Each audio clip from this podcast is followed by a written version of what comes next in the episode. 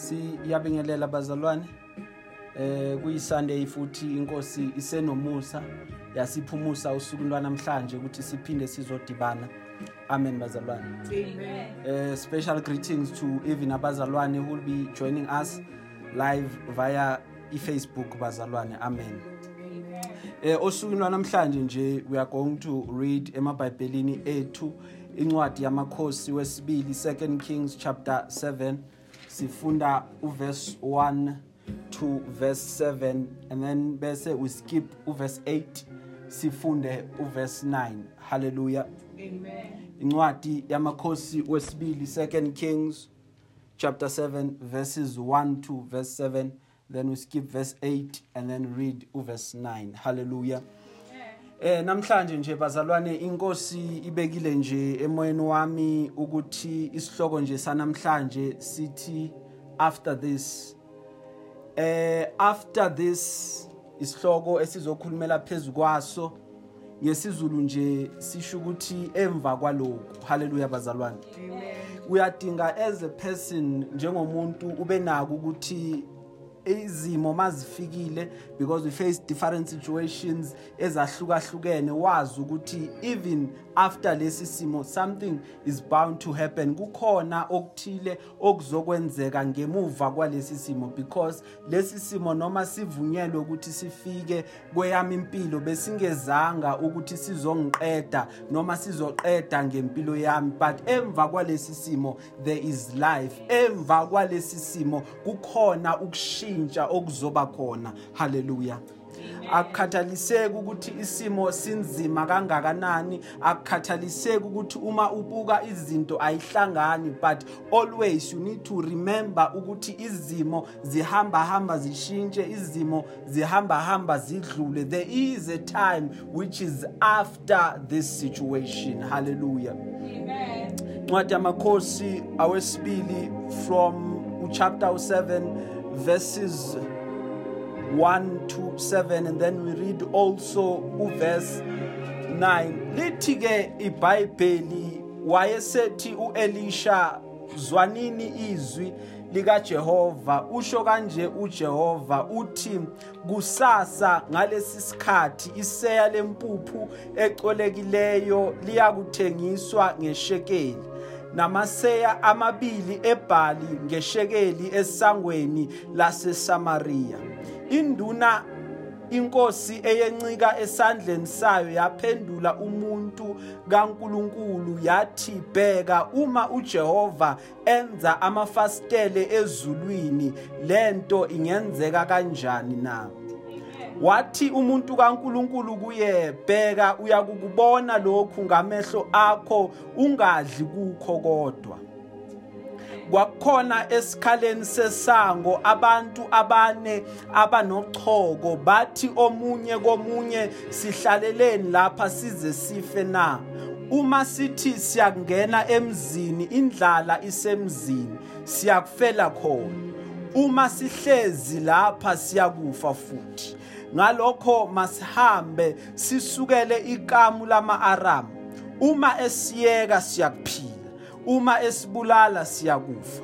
Basuka kuhelela baya ekamu lama-aramu sebefikile emaphethelweni ekamu lama-aramu bheka kwakungekho muntu lapho. Inkosi iyibizwisile impi yama-aramu umsindo wezinqola nomsindo wamahashi nomsindo wempi enkulu aze akhuluma omunye komunye ngokuthi bheka inkosi yakwa-israyeli isiqashele amakhosi amaHethi namakhosi aseGibhithe ukuba asifikele ayesesuka abaleka kuhwelela ashiya amatende awo namahashi awo nezimbongolo zawo nekamu. Linjengalokhu linjalo abaleka ukuba asinde ivesi lokugcina bese lithi basebethi omunye komunye asenzi kahle. Lolu suku lwanamuhla lungusuku lwentokozo.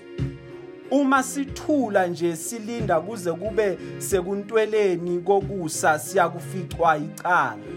Ngalokho masihambe sitshele indlu yenkosi. Singavalana amehlo.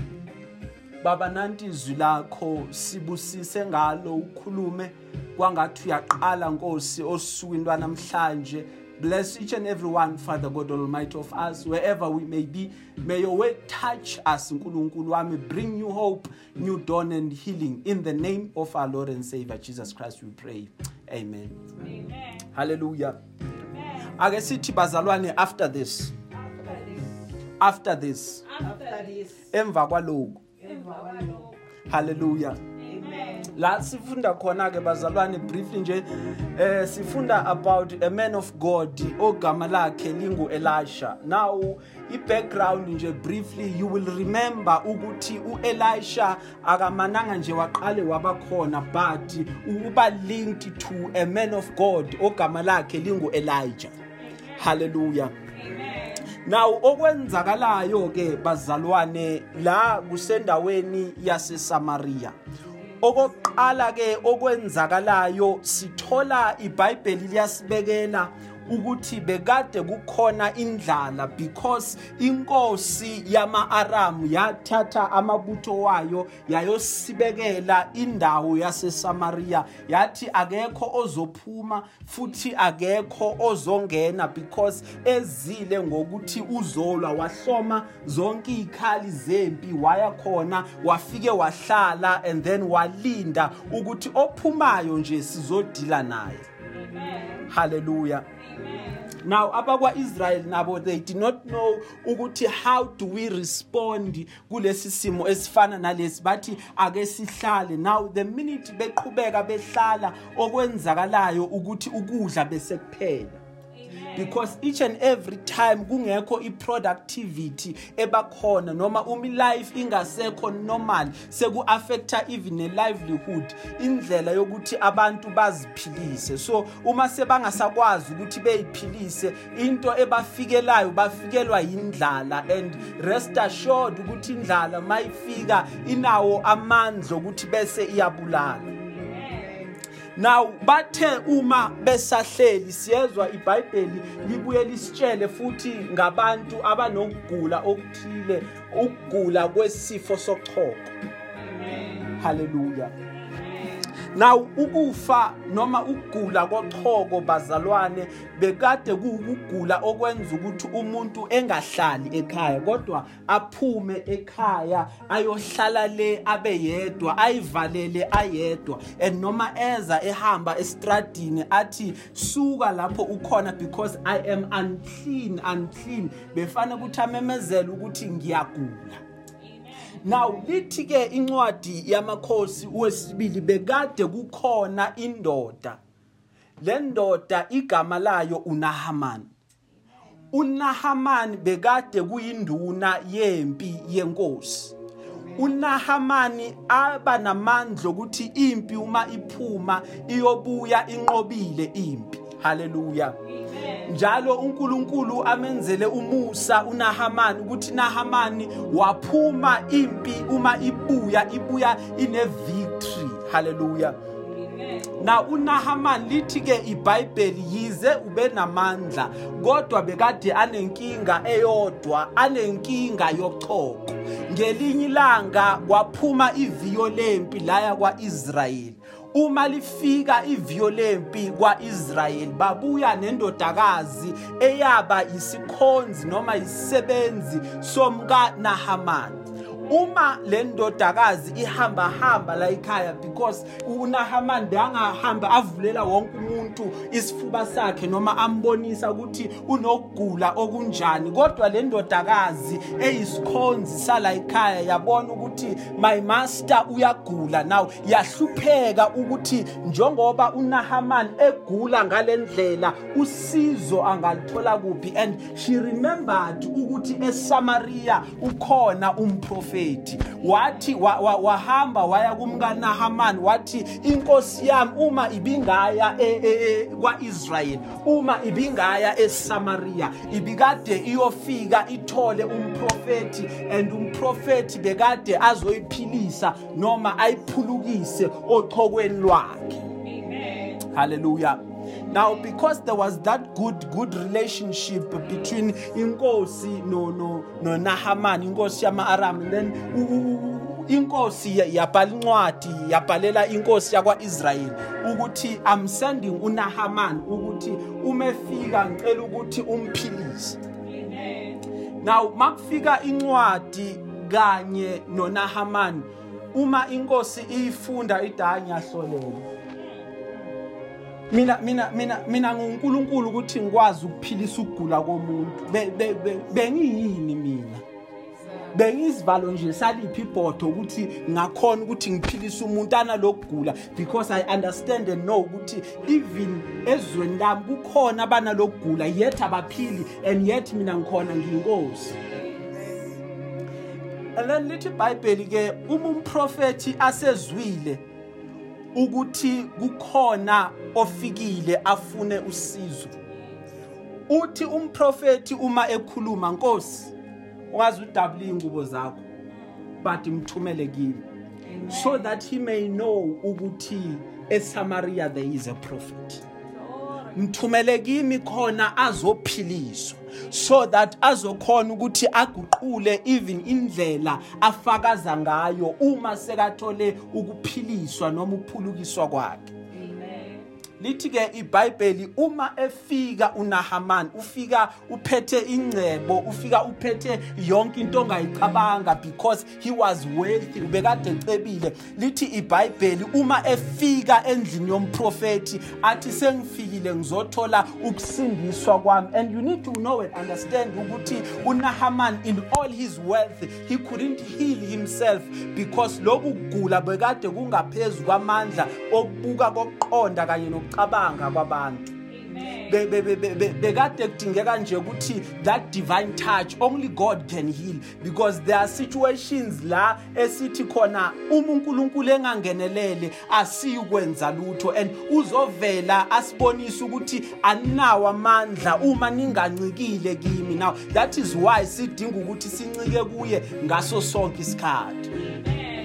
Haleluya ngize ngize ngithanda laba abafana elithi iBhayibheli ukukholwa kwabo kwathi noma inkosi ungasithatha usifake emlilweni kodwa thina sinenkosi yethu esikhonzayo if u expect ukuthi siyakuguqa inkosi siyadabuka ukuthi sikutshele ukuthi asikuguqa asikuthobela umthetho wakho ngoba thina sinonkulunkulu ongaphezulu konke futhi uNkulunkulu wethu unamandla ukuthi asikhulule bese bathi noma esengasikhululanga kodwa thina sikukhothama kwezakhe ithixo haleluya now ke lithi ke iBhayibheli bazalwane uma uma efika uNahaman endlini ye yomprofeti noma endlini yomuntu kaNkuluNkulu lithi iBhayibheli umuntu kaNkuluNkulu akazange aphume but he sent inceku ukuthi hamba umtshela ukuthi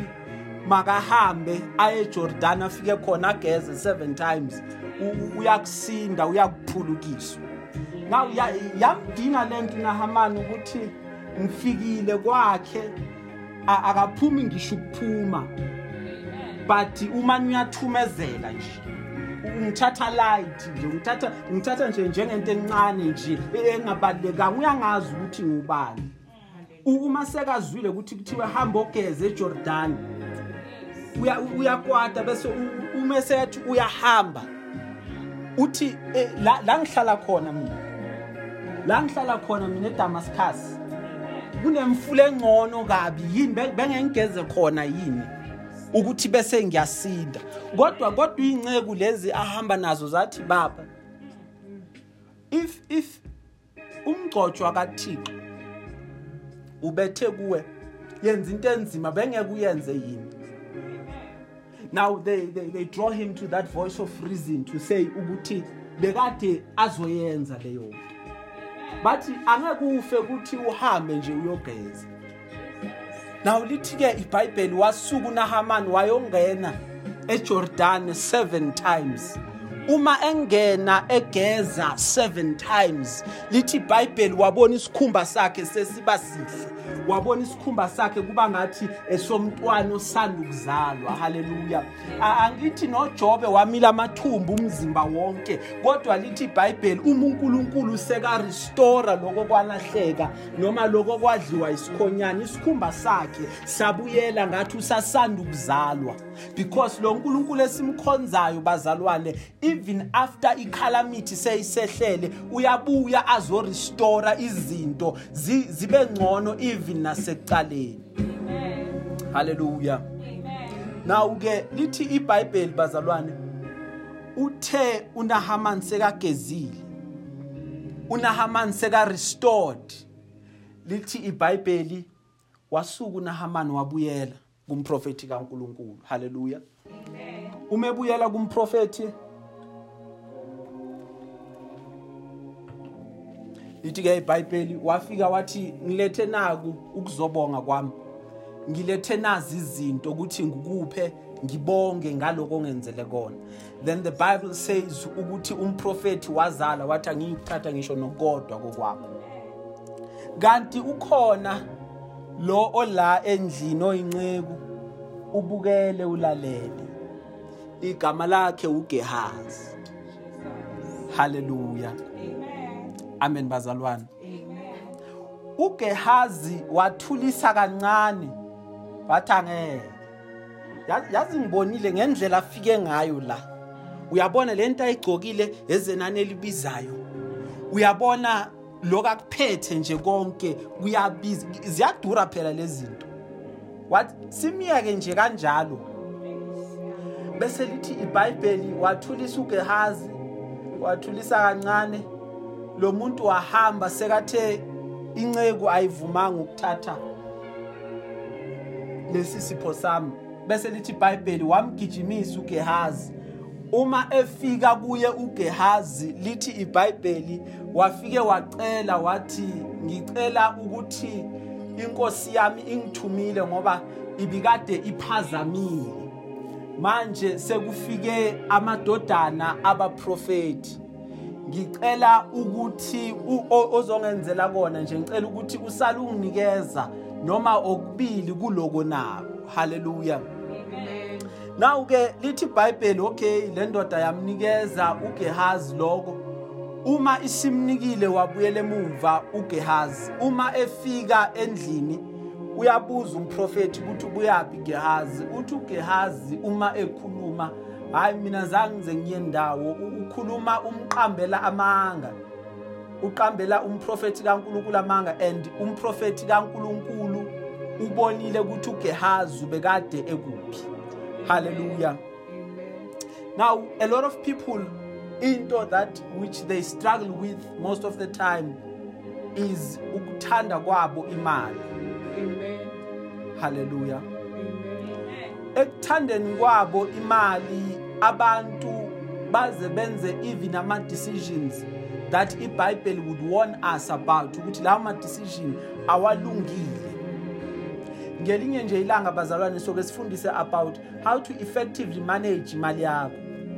Because even namanje kunohlobo lwabantu olucabanga ukuthi ukuze u- u- kuyolunga mhlawumbe inkinga zakho ziyophela zonke the day kuthiwa unemali eningi. Kanti on the contrary lokho kusho ukuthi ukwanda kwemali kusho ukwanda kweyinkinga and the, the, there's a level efanele ukuthi sifike kuyo njengabazalwane nje ungumzalwane uwedwa individually. That level lithi iBhayibheli uma ulifunda abantu u- ungakweleti umuntu anything except your obligation to love. But kulezi insuku sithola okwandile abazalwane bacwila ey'kweletini bakweleta abazalwane. O- kokunye akusakhona ukuthi kuthandazeke. Why? Because into ibabambile abanitholi ukuthula because of why? Lezi zikwelede zigcwele all around yena. Sifundise nanokuthi bazalwane even abantwana labo bazele ubafundisa kanjani ukuthi imali bakwazi ukuthi bayimanage from an early age? Because kokunye yiko lokho kusizayo ngelinye ilanga uyosizwa yibo bona labo bantwana uma bekwazile how to manage imali. Haleluya because there are certain things that when you did not get a chance ukuthi uzazi uzigraspe while usakhula. And lezo zinto seziyakushaya namhlanje because everything linked to ukuthi wenzani izolo. So leyo nto leyo se-affecta ukuphila kwakho kwanamhlanje because you failed ukuthi uyenze kahle izolo. But because you have gathered the, the, the lessons or the necessary resources manje you can be able to teach umuntu umfundise ukuthi ukuze abe nemali kufanele ukuthi enze njani. Hallelujah. Because the problem problem number one what, what makes people not to even have okuncane a- ababanako ukuthi umuntu umeqala nje ekhuluma uthi imali ayibekeki. So the minute usho kanjalo vele it will be difficult for you to to save anything. Hallelujah. Omunye wathi ma- makakhuluma wathi if ngithi ngibeka imali for rainy days it always rains the next day. Hallelujah bazalwane. Amen. so yes sometime we'll get into that. Now ibhayibheli ke likhuluma about ugehazi ukuthi wahamba ugehazi because of igreed because of ihanga yokufuna izinto ezinkulu efanele ukuthi ngabe akazange eyoyicela Amen.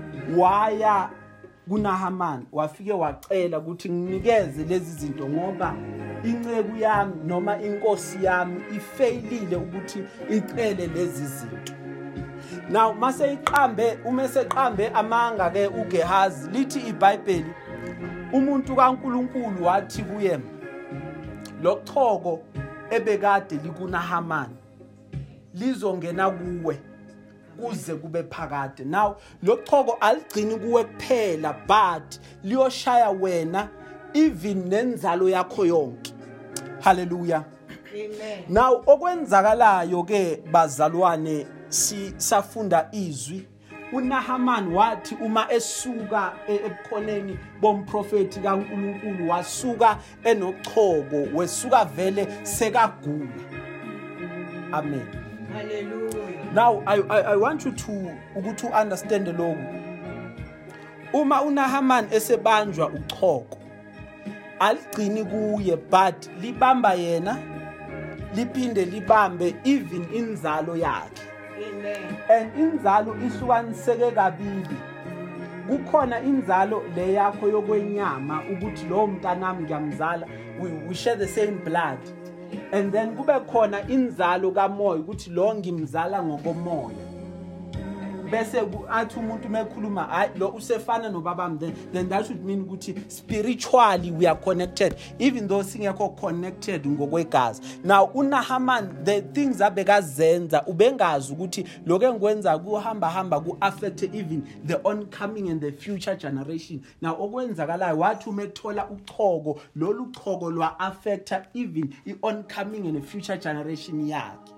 Now mina njengomuntu ngikhula ngiyinsizwa ngenza izinto ezinye ezinhle ezinye ezimbi angibi nayo that understanding usually yokuthi lokho engikwenzayo ngikwenza ukuthi kutshaleke even nakunzalo le esesokhalweni lwami engakafiki emhlabeni. While ngenza izinto ezirong ngicabanga ukuthi mina ngihlakaniphile. Ngazi kangcono kanti angazi ukuthi sengibulala even the oncoming generation because mase bafika laba bantwana sebafana nami sekuba inkinga sengiyazibuza ukuthi nikuthathe phi lokhu.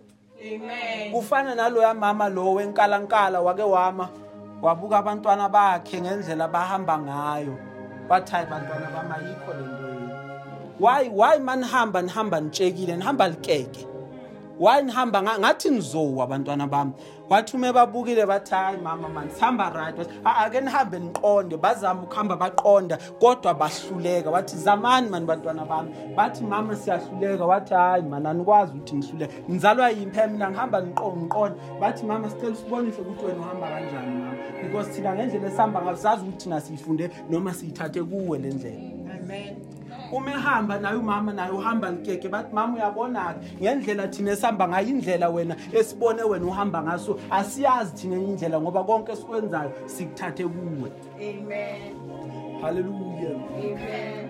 naw-ke bazalwane lithi-ke ibhayibheli u-elisha kufika isikhathi la sifunde khona uma kufika isikhathi sendlala because uAbinadab has surrounded iSamaria.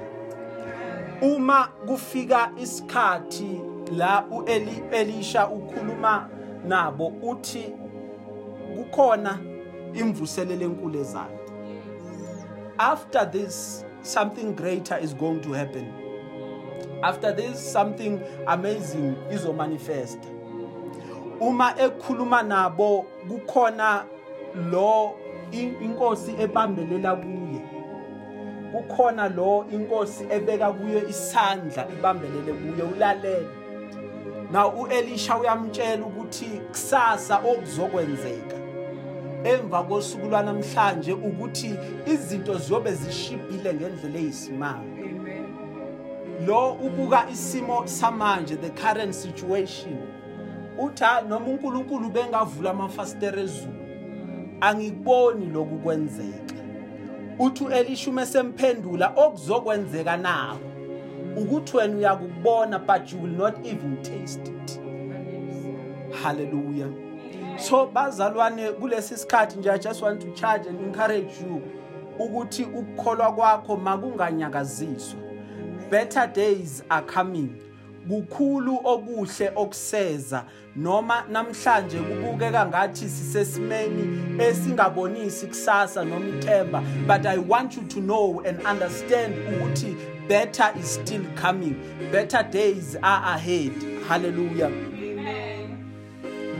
Now lithi ke iBhayibheli bazalwane uma likhuluma lo wathula ke Now okwenzeka khona amadoda amane haleluya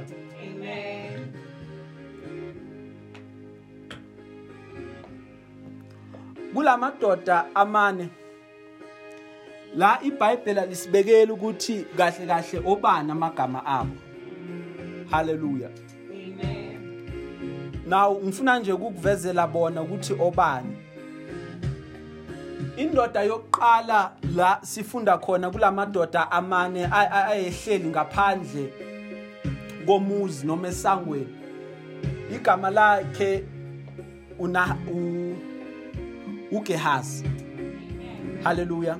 Amen. Because sekukhulunyiwe kuGehazi ukuthi wena nenzalo yakho nonke niyokuba nochoko so the first man kulamadoda uGehazi number 2 indodana yakhe ayizalayo uthe ayizala ngokwegazi noma ngokwenyama indodana yakhe.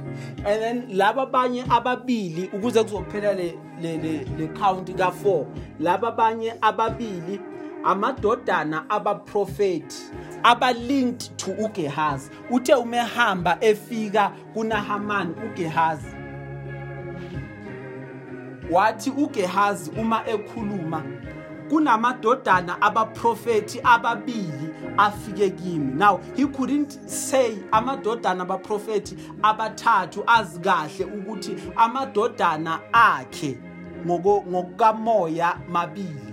Because bekafunela bona ukuthi at least mina namadodana ami sizodla mina namadodana ami sikhona sizokuthola because even if you, you, you times this 2 by 2 and then ikunikeza u4 bekazi ukuthi lokho engikuthole kulomuntu will be enough even for all my sons Amen. hallelujah Amen. now lamadoda ahleli ngaphandle athi uma ekhuluma omunye komunye bazalwane athi sohlala la kuze kube nini?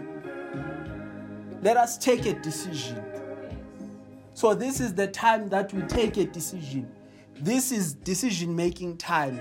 Isikhathi lesokuthi senzeni isinqumo sokuthi kunezinto esingayi ukuloku sihleli siyibekezelela noma siyinyamezelela because lezi zinto show us no life. Lezi zinto that do not bring us any hope even for a future. Hallelujah.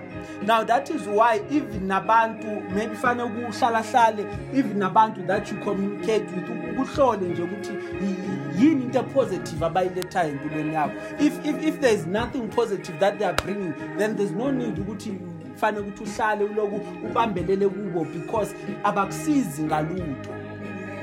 Instead into abayenzayo bahlalele ukudraina ukudraina ukudraina and eventually you get tired.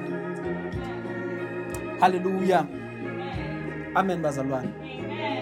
Naw ke lithi ke ibhayibheli bathe masebebuzile ukuthi siyohlala la kuze kube nini and then wathi omunye komunye dala sicomplaina sikubalile ukugula kwethu ukuthi kwavela kanjani. Samblame naye ubaba lo osizele ukuthi baba kanjani? Wavuma nawe ukuthi sigcine sesila. Bowufunelani izinto ezingaphezulu kwamandla akho? Naw lithi ke iBhayibheli bathi asisukeni siye kam lama Arab because la sikhona we know and understand ukuthi vele ukudla kuphi. We know and understand ukuthi indlala izoqeda ngathi kodwa uma sithole ukudla kuyakuba ngcono.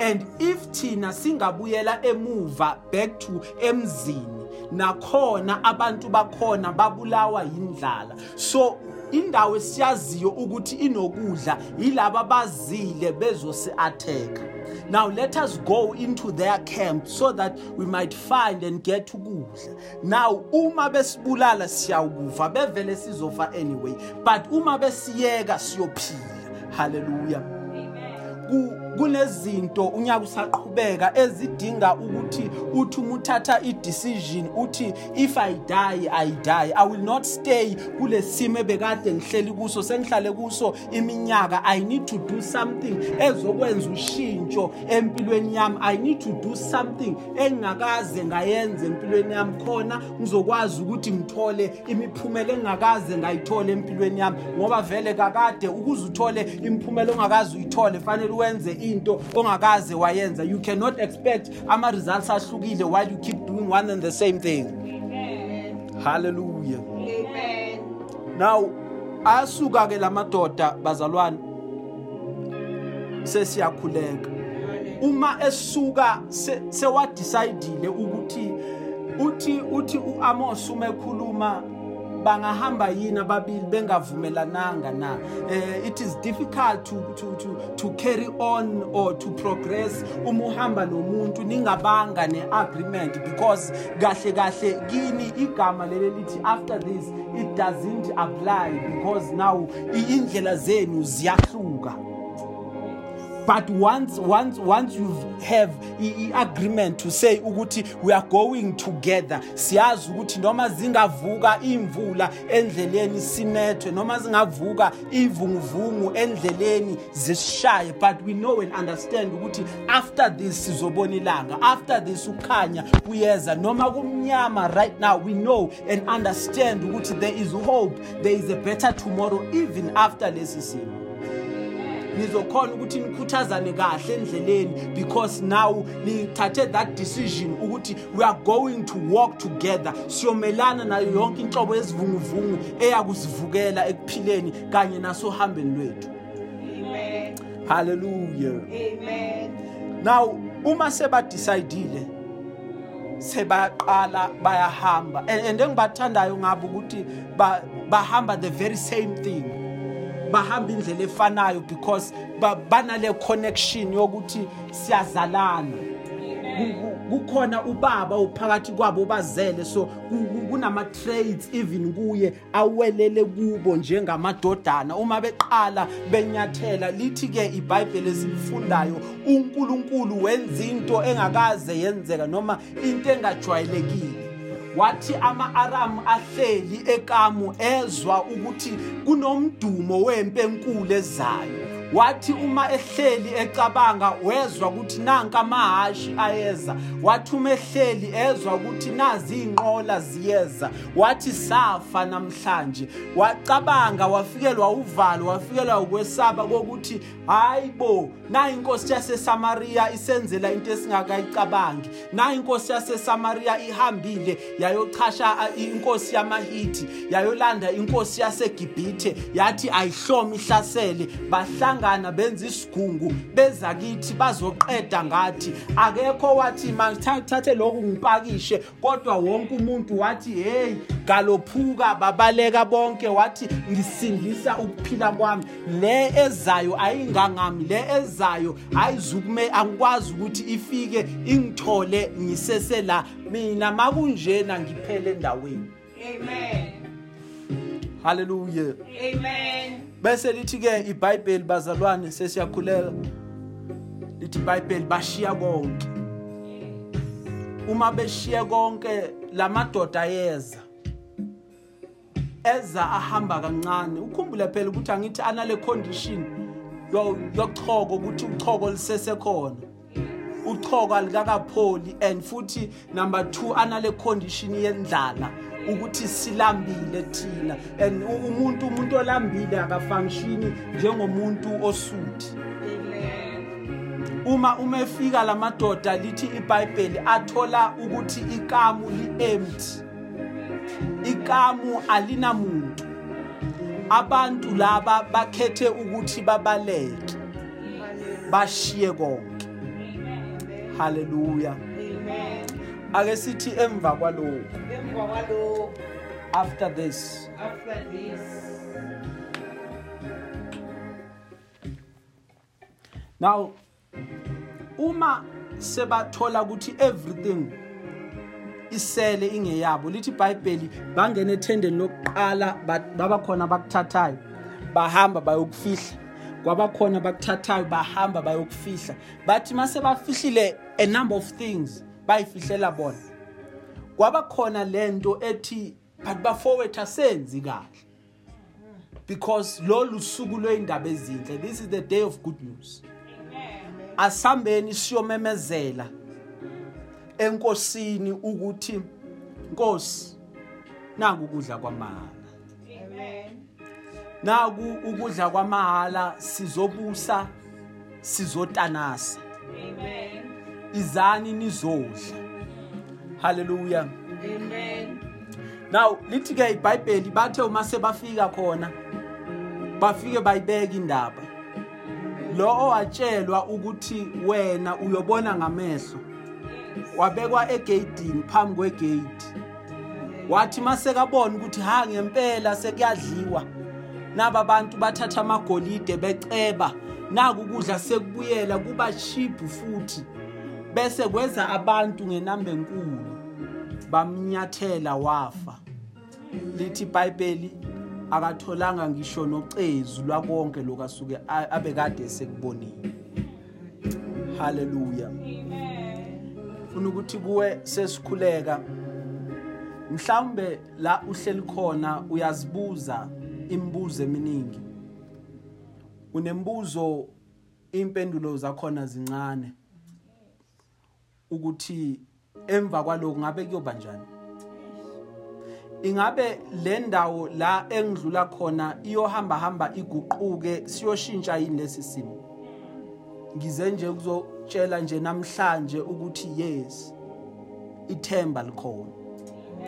Kudingeka ukuthi uthembe njengoAbraham elithi iBhayibheli wathemba ngisho ukuthemba sekungasabonakala ukuthi kuyakumsebenzela. Wathemba even nama reason wokuthi athembe sewangekho wathi lo othembisile ukholekile uzoyifeza into ayewayikhuluma. Ngifuna ukuthi ungabi i-prophet of doom even phezu kwempilo yakho. Ukhulume izinto ezimbi kuwe but khuluma ukuphila ukuthi emva kwalesi simo ikhanda lami lizophakama. Emva kwalesi simo ngizonyuka. Emva kwalesi simo ngizonzonzobala emva kwalesi simo kukhulu okuyovela kimi uNkulunkulu angibonisa kona. Amen. haleluya. Amen. inkosi bazalwane ayibusisa ukufunda kwezwi layo Amen. isifundo sethu siphelela la usuku lwanamhlanje amen. Haleluya. Sizosuka manje bazalwane sizokhuleka.